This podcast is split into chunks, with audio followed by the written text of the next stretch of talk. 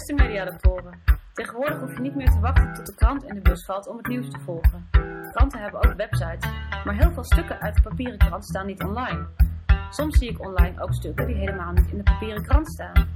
Wat zijn eigenlijk de verschillen tussen de papieren krant en de krant online? Vanuit Amsterdam is dit Onder Media Doctoren, de podcast waarin communicatiewetenschappers zich verwonderen over de media. Welkom bij aflevering 9 van Onder Media Doctoren. Vandaag hebben we het over online en offline nieuws. Chris, die observatie van die student, hè? dat er een verschil is tussen de inhoud van de krant offline en online. Klopt die? Uh, ja, dat, uh, dat klopt zeker. Want een deel van de krant staat inderdaad wel online en een deel niet. En het is totaal niet duidelijk wat, uh, wat de overeenstemming tussen die twee is. Hoe laat je nou zien dat vk.nl meer inhoud heeft dan alle andere nieuwsites? Neem bijvoorbeeld de schuldencrisis. Een andere nieuwsite brengt het nieuws. vk.nl brengt dat nieuws ook, maar geeft ook achtergronden. Analyses, opinies en soms zelfs liveblogs. Zie je? Dat is het verschil. VK.nl van de Volkskrant. De nieuwsite met inhoud. Ja, Vincent. VK.nl van de Volkskrant. Inmiddels bestaat het niet meer. Heel duidelijk een verschil tussen de krant online en de papieren krant. Ja, het is een heel wonderlijk uh, stukje wat je eigenlijk laat horen. Want het, het vertelt, kijk eens wat we allemaal online doen. Dat staat allemaal niet in de krant waar je heel veel geld voor betaalt om het elke ochtend in de bus te krijgen. En dat gevoel heb ik wel vaker als ik zelf ook nog wel eens een krant lees dat je een bepaalde modus van lezen hebt gekregen omdat je veel online leest. En dat je dat opeens kwijt bent op het moment dat je een krant hebt. Ik heb met name als ik de Telegraaf lees, dat doe ik heel graag.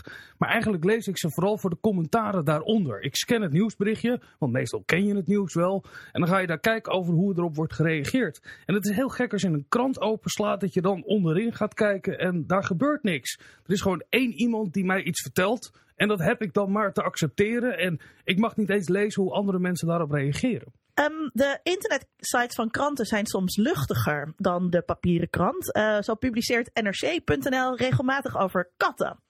Wat is daar uh, aan de hand? Ik denk dat alles wat op internet gaat, gaat uiteindelijk over katten. Dus ook het NRC zal dan wel weer iets over katten uh, gaan doen. Ik denk wel dat de status van het medium, zoals een website, is nog altijd iets lager dan de krant dat hoor je ook aan mensen die zelf dingen schrijven. Ze zeggen, nou, de krant gaat niet passen, maar we zetten het wel online. Nou ja, het is ook gewoon goedkoop en het is snel, zou ik, uh, zou ik zeggen. Dus ik bedoel, die, die website die levert natuurlijk niet zo verschrikkelijk veel op. Dus wat kun je dan doen? Nou, dan zet je gewoon een link um, naar een artikel. En dat vat je dan een beetje in twintig regels samen. En heb je toch weer een bericht. Nou ja, dat doet NRC denk, misschien vijf keer per dag of zo.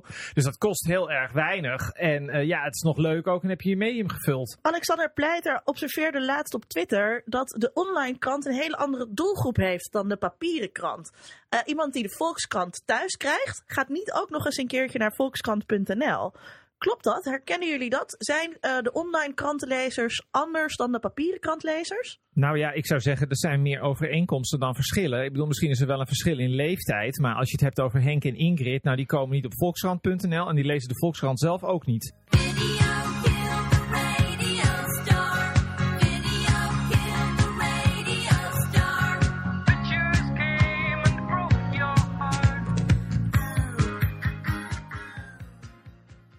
Online lees je anders dan op papier. Chris, je zei het net al even. Je moet bijvoorbeeld klikken in plaats van bladeren. Verandert dat iets aan de manier waarop wij de krant lezen? Ja, dat denk ik wel. Um, kijk, goed geschreven krantenstukken die hebben altijd een hele mooie opmaak. Uh, waarin je tussenkopjes hebt en waarin je vetgedrukte gedeeltes hebt. Of zelfs als cursiefjes of infoboxjes erin. En die ontwikkeling die zag je eigenlijk al in de laatste 15, 20, 25 jaar. Zag je dat steeds beter worden. En eigenlijk omdat het interactief is, kan je daar nog iets meer mee. Dus ja, je kan veel selectiever door een stuk heen gaan. Zoals goed geschreven kranten dat ook bieden. Dus ja, ik denk dat het idee dat je als lezer er selectief doorheen kan gaan. Wat bedoel je met selectief? Door nou, een artikel of door een krant heen gaan? Ja, door een artikel heen. Dus dat je even de, de koppen gaat snellen. Of dat je de inleiding, uh, de, de leads gaat lezen van uh, verschillende onderdelen maar van zo'n nou artikel. Echt, maar is dat nou wel zo? Ik bedoel, is het niet zo dat je dat altijd kan doen? Dat kun je bij de krant, uh, dat kun je bij een artikel, dat kun je bij de website. Dat, ik bedoel, dat selectief zijn, dat doen mensen natuurlijk altijd al. Dus daarin is natuurlijk dat medium helemaal niet heel erg anders dan vroeger dat papieren ja, ja, dat papieren ding. Nou, er Dat- zijn heel veel mensen die zich daar enorme zorgen over maken. Die zor- zich zorgen maken dat je online alleen nog maar het nieuws leest. Dat je opzoekt. Terwijl je vroeger met de krant het nieuws kreeg dat de journalist voor jou geselecteerd had en wat belangrijk was. Vincent? Ik denk dat het andersom is. Ik denk dat ik eh, sinds internet de afgelopen tien jaar uit veel meer verschillende nieuwsbronnen mijn eh, beeld van het nieuws eh, maak. Dan, zoals jij fijnzinnig zei, ik als typische Volkskrant-lezer één katholiek eh, progressieve bron, of welke, eh, waar de krant dan ook staat, krijg. Dus nee, ik denk dat ik buitengewoon mijn, mijn palet aan, aan bronnen veel groter is geworden. We denken van alles, maar laten we eens gaan, eh, op zoek gaan naar wat kennis. Chris, jij had een interview. eh, kan je daar iets over vertellen? Eh, nou, ik heb gesproken met Laurens Verhagen. Hij is eh, hoofdredacteur van Volkskrant.nl. Ehm, dat is eigenlijk een beetje gek, want bij Volkskrant denken wij natuurlijk allemaal aan Philip Remark. En ja, dat, daaraan zie je al meteen dat verschil in status volgens mij heel erg terug. Van Philip Remark komt in allerlei, allerlei media en dan komt hij zijn mening geven. En dat is dan heel belangrijk wat hij over de journalistiek vindt. En die Laurens Verhagen, die doet eigenlijk ook heel die heeft ook een belangrijke functie bij de Volkskrant. Maar dat is dan van de site. En die horen we eigenlijk nooit. Dus eh, daar heb ik mee gesproken.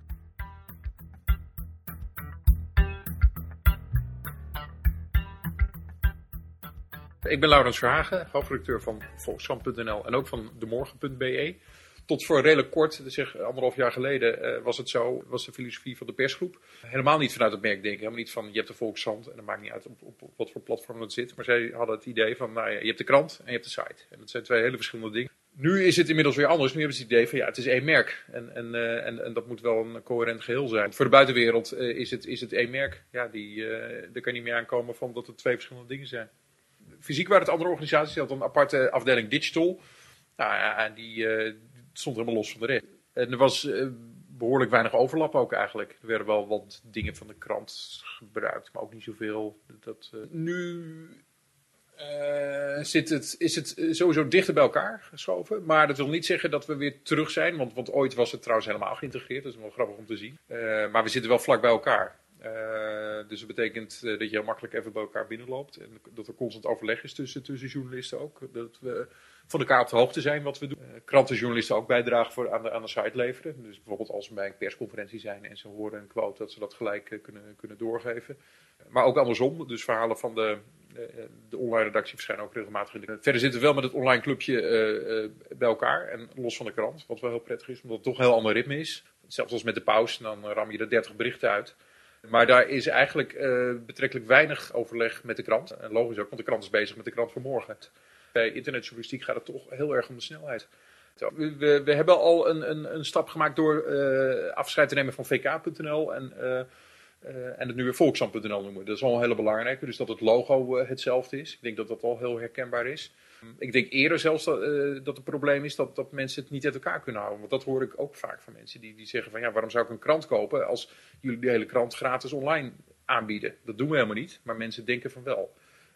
Dus, dus het zal meer ook de kunst zijn om ook duidelijk te maken dat je één merk bent, maar dat, je, dat er toch twee verschillende dingen zijn. Dat er ook nog een wereld is naast de gratis site. Dat hoor je ook nog wel, als dat de krant zegt. eh, die, die willen aan de ene kant vinden ze het natuurlijk heel prettig dat je een goede site is, die, die geen afbreuk doet aan het, aan het merk. Aan de andere kant eh, eh, moet de krant ook nog toegevoegde waarde bieden natuurlijk. En dat duidelijk maken hoe ze dat doen. En dat is nog wel eh, lastig. De krant wordt ook, eh, gaat ook helemaal digitaal, dus, dus meer dan, dan zo'n pdf. Dat betekent wel wat voor de werkwijze natuurlijk ook van de krant, kan me voorstellen op een gegeven moment. Dat je afgaat van, van die deadline. En dat betekent ook eh, wat voor de, de, hoe, je, hoe je het presenteert op je site. En hoe je duidelijk maakt wat gratis is en wat betaald. Dat moet wel...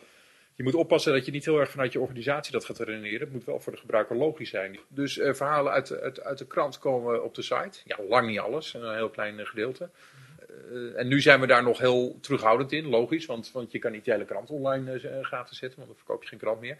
Maar straks, als ook de hele krant digitaal wordt, we noemen dat plusomgeving, maar achter de betaalmuur, ja, dan komt de hele krant ook online. Dus dan, dan is het ook, wordt het ook een stuk makkelijker, zeg maar. En andersom ook. Dus, dus ehm, verhalen van de online redactie verschijnen ook regelmatig in de krant.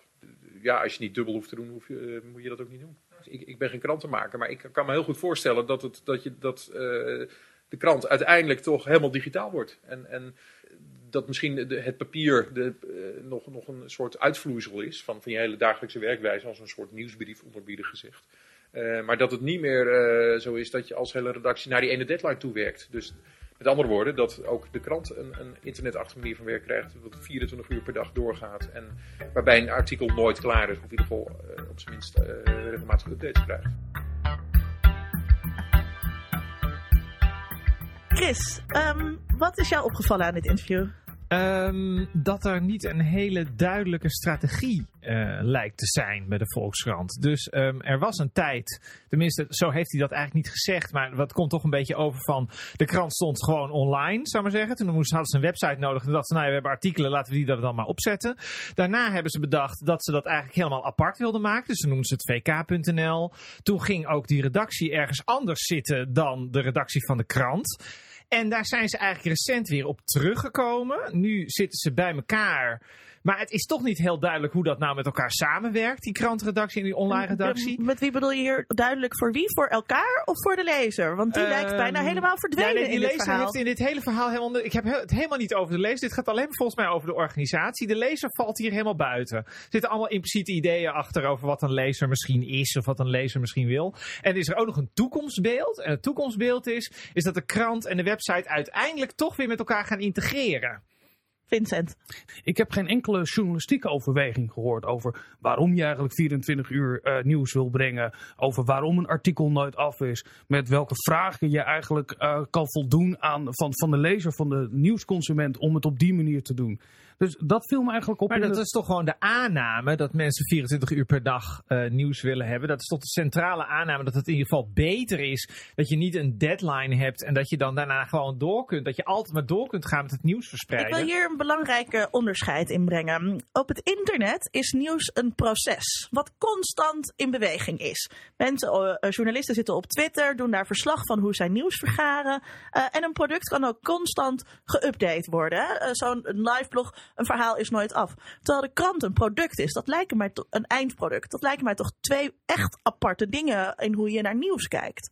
Uh, ja, dat maakt, dat maakt enorm uit. En altijd het feit dat je dat kunt updaten, en dat zie je een beetje bij de live blog, um, dan krijg je dus een heel ander. Dan krijg je eigenlijk ook een product. Anders ook een product. Maar dat is wel een heel ander product. Namelijk, het voldoet niet aan de standaard die, uh, die je eigenlijk bij de krant zou stellen. Want bij de krant moet het waar zijn. En bij de liveblog mag je, en dat weten we allemaal, dan mag je uiteindelijk ook gewoon alle dingen die mensen zeggen, uh, mag je daar opzetten. Van ja, dit wordt nu gezegd. En we weten helemaal niet of het waar is. Dat zou nooit in de krant komen. Op de liveblog mag het wel. Omdat namelijk dat dan een ander product is. En omdat er zo'n soort 24 uur. Want er ook op een liveblog moet er ook steeds iets gebeuren. Want anders dan is het natuurlijk geen liveblog. Zolang er geen eindproduct is, zoals jij zegt, heb je geen verdienmodel.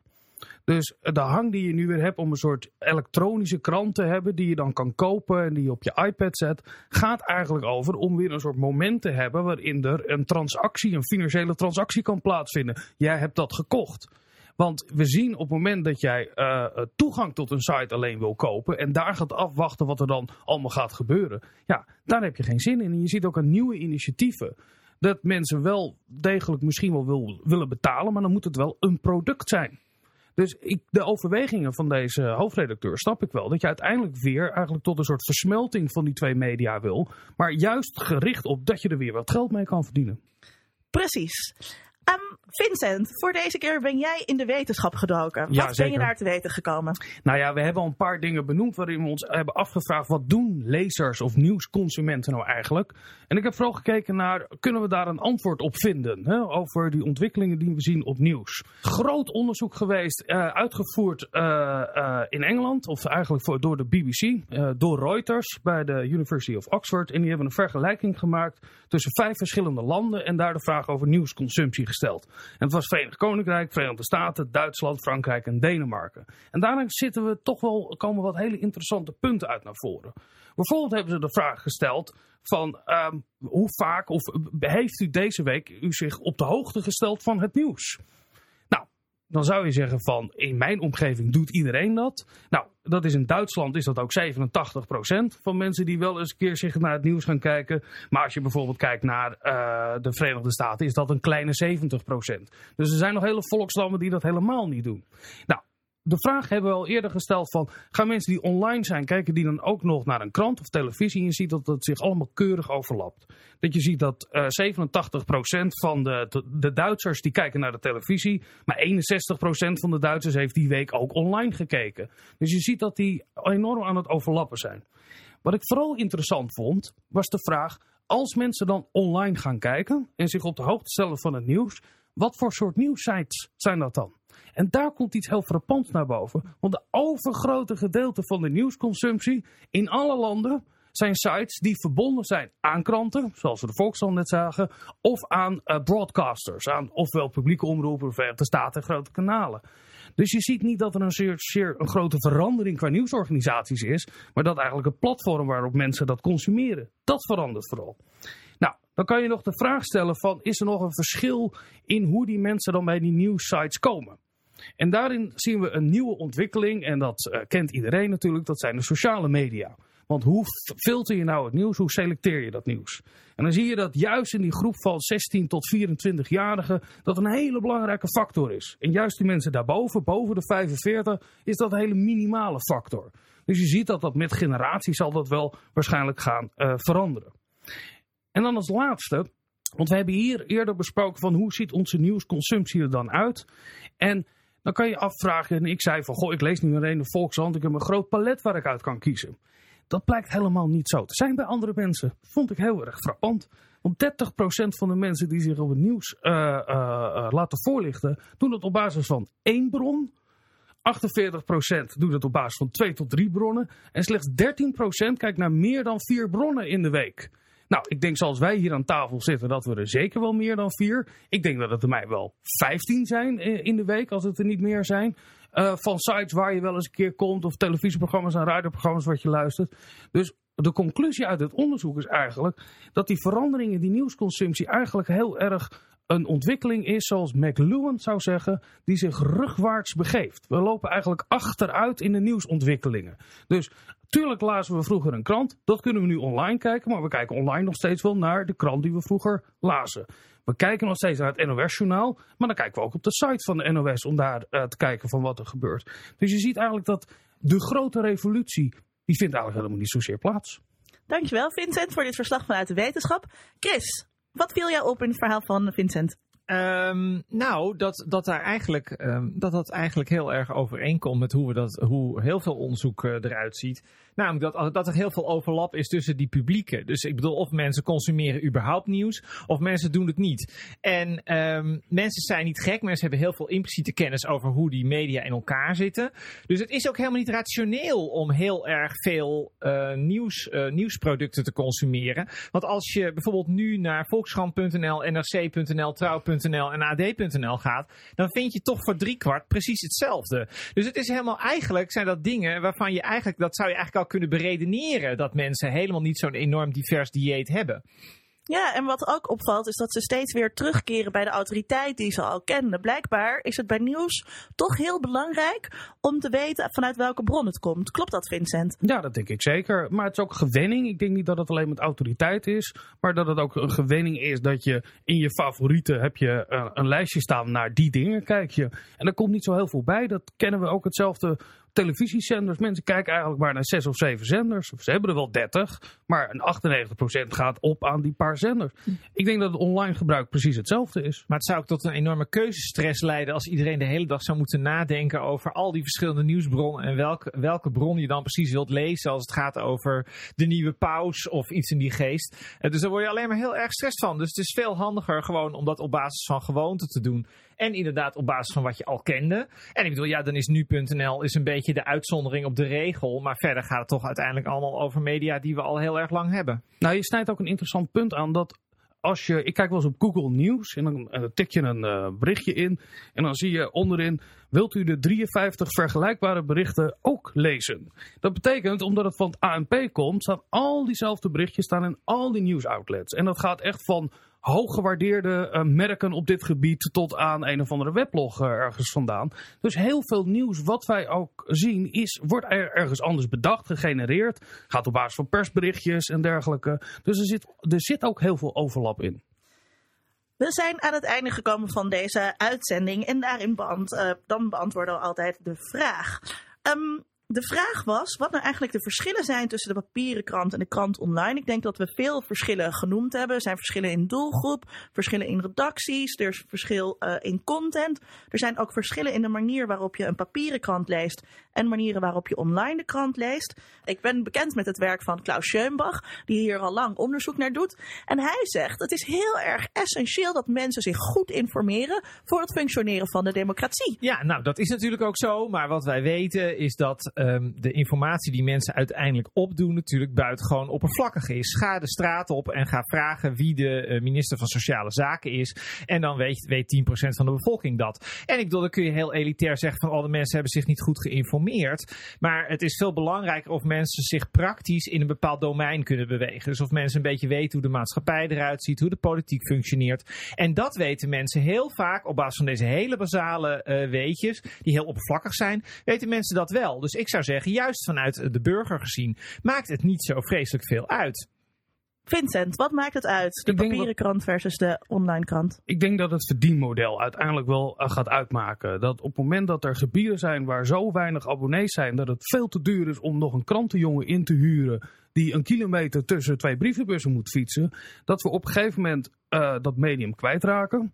Maar ja, uh, het zal ook nooit helemaal verdwijnen, want er zal altijd wel een groep zijn die daar wel geïnteresseerd in is en graag iets op schoot wil hebben, iets wil doorlezen. Ik ben zelf, uh, lees graag de Groene Amsterdammer. Dat zou ik niet online kunnen lezen, want dat zijn hè, lappen, tenminste 2.500 woorden, doodeng. Maar dat wil je graag op papier lezen. Dus ik denk dat er altijd wel een, een groep zal blijven bestaan. Ik denk wat er echt wezenlijk uh, zal veranderen is dat de, er wordt daadwerkelijk een krant in je brievenbus gegooid. Daar moet je iets mee. Ik ken heel veel mensen, vooral vroeger, die hadden jeetje, op zaterdag ligt er al die hele stapel. Ik voel een soort, soort burgerplicht om dat nog door te gaan werken. Als een soort huiswerk. Dus ik, het, op lange termijn kan ik me wel voorstellen dat er mensen zijn die wat verder verwijderd raken van eigenlijk uh, de maatschappelijke discussies. Omdat je er ook makkelijker van kan onttrekken. Dit was Onder Mediadoktoren. Heb je ook een vraag voor de Mediadoktoren? Aarzel niet en stuur hem in. Onder Mediadoktoren is een podcast van Chris Alberts, Vincent Kronen en Linda Duits. Meer informatie op www.ondermediadoktoren.nl